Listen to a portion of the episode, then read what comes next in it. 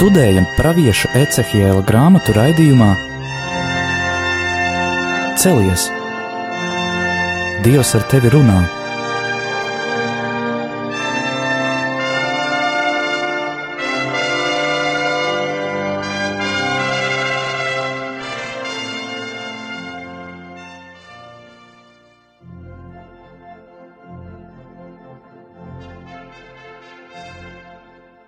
Slavēts Jēzus Kristus. Mūžīgi mūžos slavēt. Studijā atkal ir Stela, Un Anģela.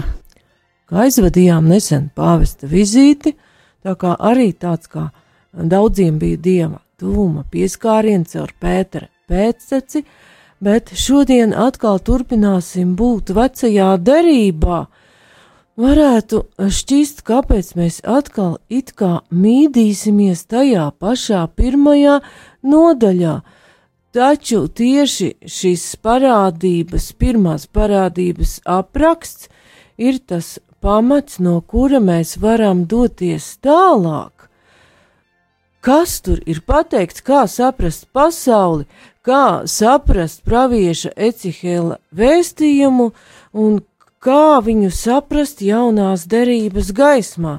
Tā kā mēs turpinām kavēties pie šiem simboliem, jo redzējām, ka pravietim Ecehēlam pat nav īsti vārdu, ko pateikt par šo parādību, un šī parādība ir tik mistiska un mīklaina, ka varbūt daži, kas palasa arī kādus, nu, nepārāk kvalitatīvus avotus, bet kas ir rakstīti, lai savāktu labi daudz lasītājus, būs kādreiz palasījuši, ka ar šiem uh, ecehiela ratiem pat ir domāts kāds kosmiskais lidaparāts un pat ir mēģināti uh, dot kādus tehniskos parametrus, kāds nu viņš tur ir varējis būt. Uh, piegājiens interesants, bet ļoti tāds piezemēts un varētu teikt pat aprobežot, jo ar debesīm šai parādībai tiešām sakars ir. Daļēji mēs jau simbolus sapratām, kāpēc nāk no ziemeļiem, kā var būt kunga palīdzība pat no nelaimes vai tur, kur mēs to galīgi uh, negaidām.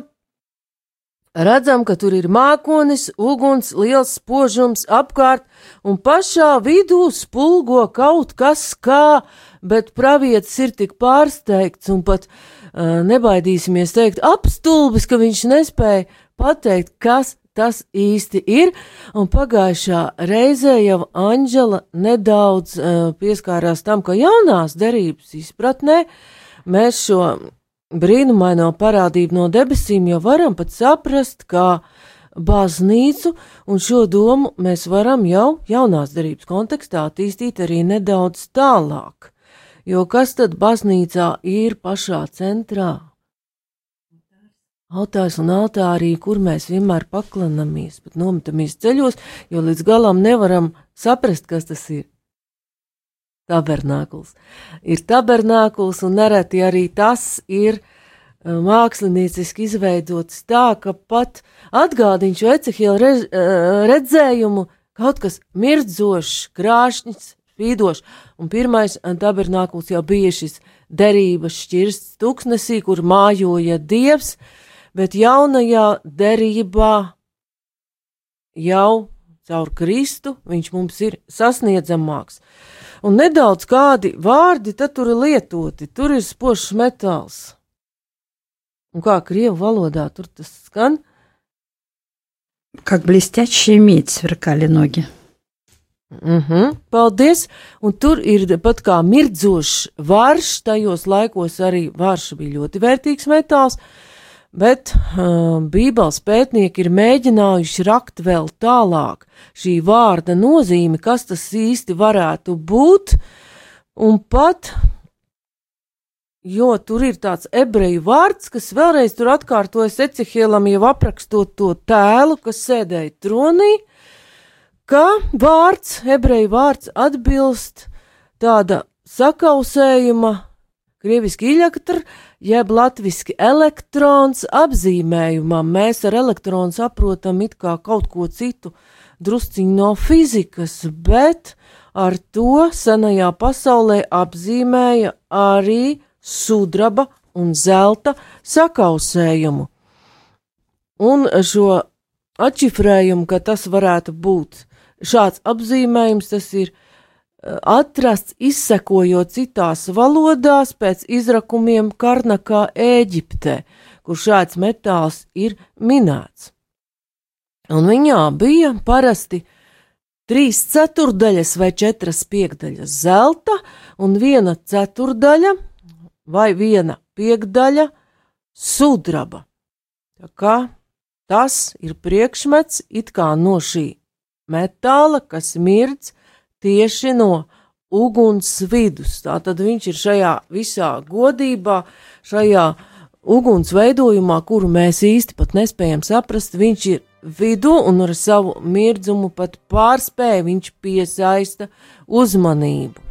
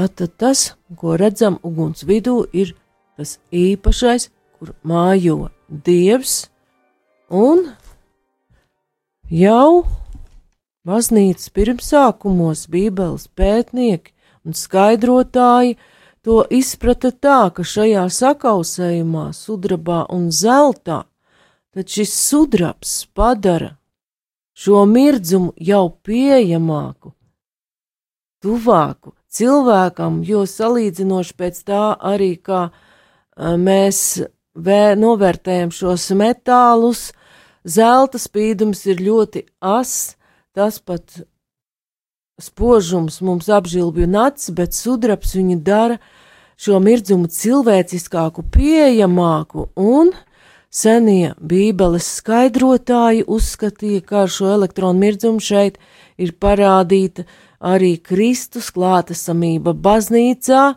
sudrabs simbolizē šo Kristus cilvēcību. Viņš dara dievu tuvu cilvēkam, un cilvēks uh, Kristus veidā var jau dievu skatīt un var sastapties ar dievu. Bet tas jau ir skaidrojums savienojot jauno derību ar vecās derības simboliem, un cenšoties saprast, ko pravietis ir redzējis. Jo, ka tomēr kaut gan pārāk tas netiek akcentēts un tiek uzskatīts, ka pravieša Ecehēla grāmata nav ne pārāk mesianiska, ne kristoloģiska, arī tās beigās, kur redzēsim templi, no kura izplūst upe, arī varēsim saskatīt šo simbolu kā Kristus pravietojumu kā Kristu, kā jauno templi. Bet grāmatas bagātā simbolika ļoti daudz jautājumu uzdeva pašiem vecās derības ticīgajiem. Jūdi šo grāmatu ir pētījuši un pētījuši un centušies to izskaidrot un izskaidrot arī tās simbolus, un nedaudz tajos var ieskatīties, lai mums būtu saprotamāka arī judaisma simbolika, viņu domāšanas veids, jo jaunā derība nav radusies tukšā vietā, un arī kristietība nav radusies tukšā vietā. mēs esam uzpotēti uz vecās derības. Un ap šo Ecihila grāmatu pat ir radies vesels jūdu mistikas novirziens, pat Merkabas mistika, un šis simbols attiecas uz dieva troni, kurš ir aprakstīts šajā Ecihila grāmatas pirmajā nodaļā. Un arī viņi domā un pārdomā, kas ir dzīvās būtnes, kas ir šie četri riteņu rati, ir ievērojuši, ka šos ratus vada šīs četras dzīvās būtnes, tās ļauj tiem kustēties. Katrai no radībām ir četri spārni ar četrām sejām, vīrieti, lauvu, vērsi un ērgli. Un šo simbolus jau mēs pazīstam arī jaunajā derībā, kā Evangelija. Jā, kā tie ir kā četri evaņģēliji, un ir pieņemts uzskatīt pēc tradīcijas, kā vīrietis ir. Mateja evaņģēlija simbols, Marku simbolizē lauva, Lūkas evaņģēliju vērsis un Jāņa evaņģēlija, kas tad tur bija, jo Jānis visus trīs evaņģēlijus it kā izskaidro, skatoties uz šīm patiesībām no ērgļa lidojuma un dod, var teikt, sinoptiskajiem evaņģēlijiem garīgo skaidrojumu visdziļākajā pakāpē.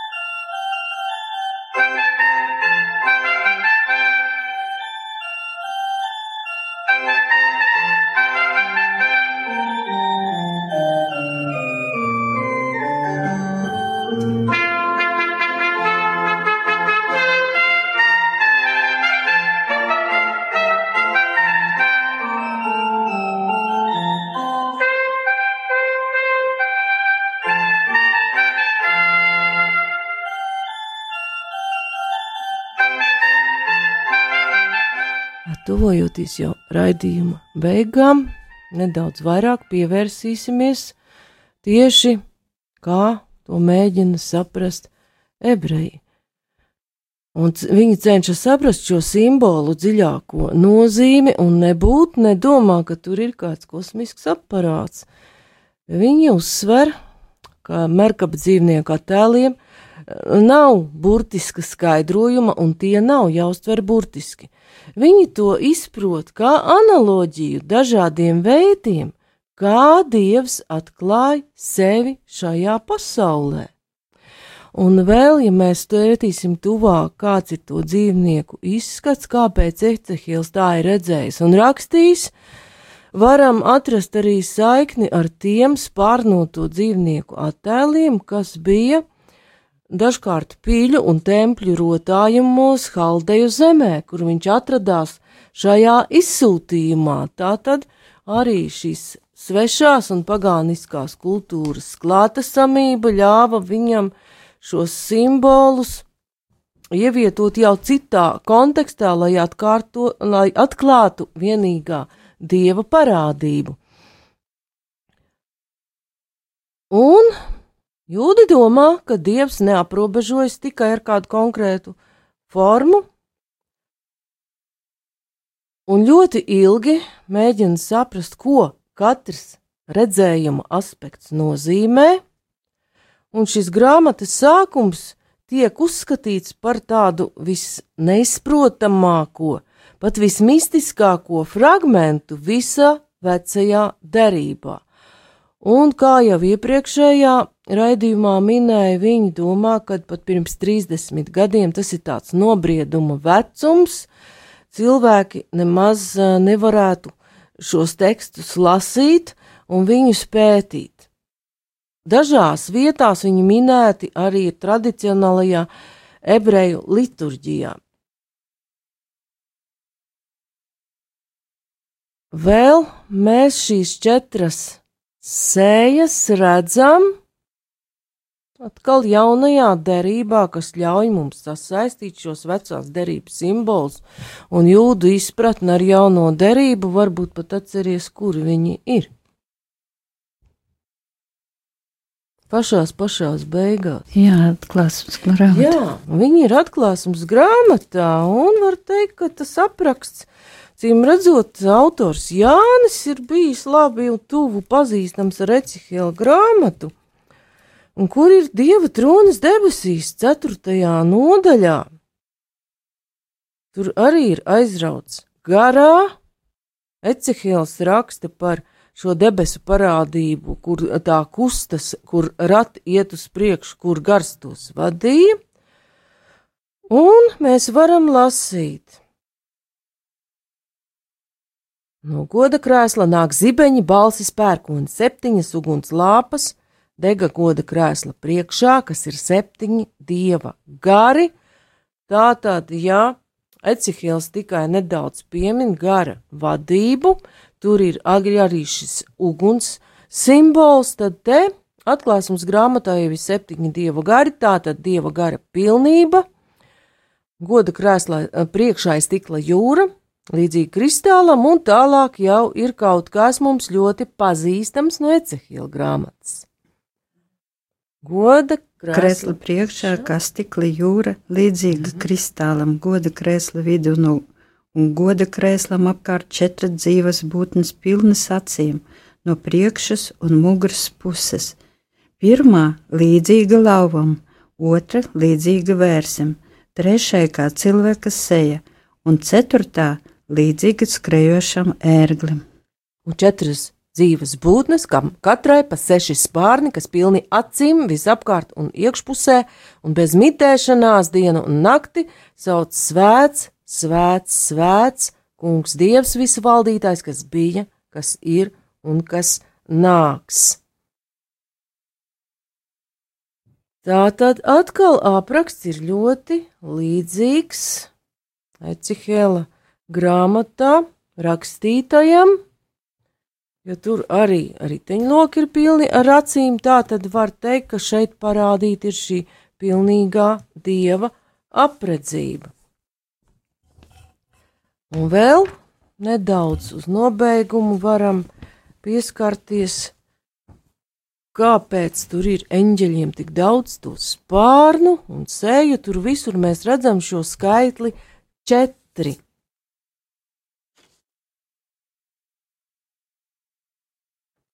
Un visi šie četri eņģeļi veido, var teikt, šo ratu aprīkojumu pamatstruktūru. Katram četras sejas, kas atbilst četriem virzieniem. Tagad tas ir šis senais uzskats, ka Zemē ir četri stūri. Arī atklāsmes grāmatā mēs redzēsim eņģeļus, kas tur četrus vējus.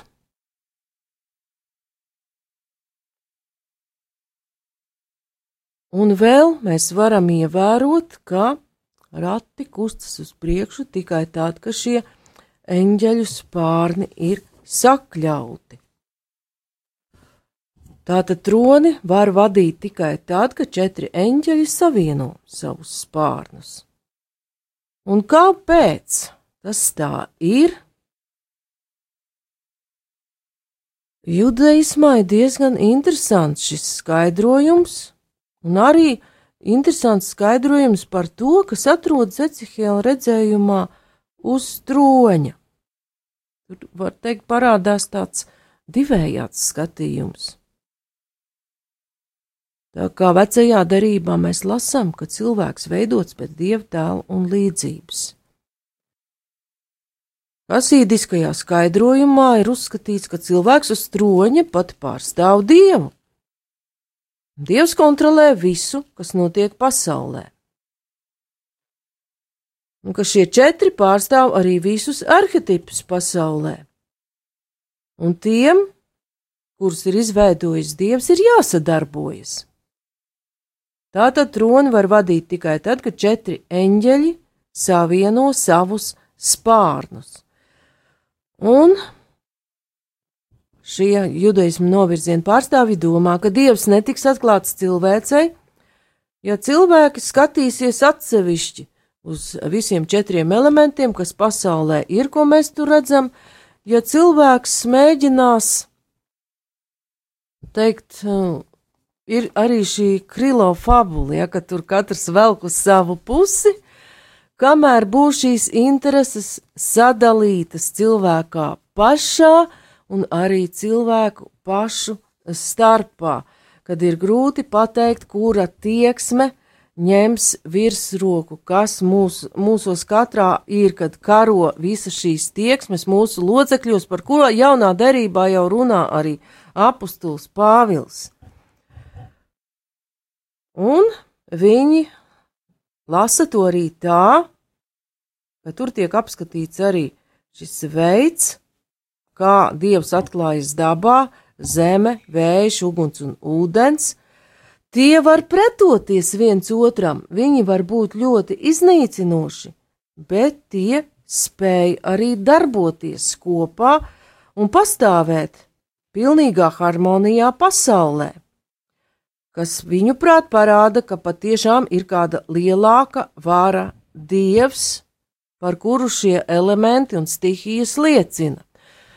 Un jau skatoties no jaunās darības pozīcijas, mēs saprotam, ka, ka šī nesadarbība starp visām šīm stihijām un arī starp cilvēku un dabu ir radusies, ka cilvēks izdomāja pats noteikt labu un ļaunu, ka tas ir sācies ar grēkā krišanu, un ka jaunajā derībā jau Jēzus ienāk pasaulē un mīt tabernākulā, lai šo nesadarību, šo karošanu starp stihijām un cilvēku, starp tieksmēm cilvēkā izlīdzinātu un atjaunot šo pirmo harmoniju. Bet kā vēl tuvāk apskatīt šo merkabas simboliku un savienot to ar jaunās derības simboliem, mēs skatīsimies jau nākošajā raidījumā, jo laiks ir īs un tas beidzas. Šodien ar jums studijā bija Stela un Anģela. Paldies par uzmanību!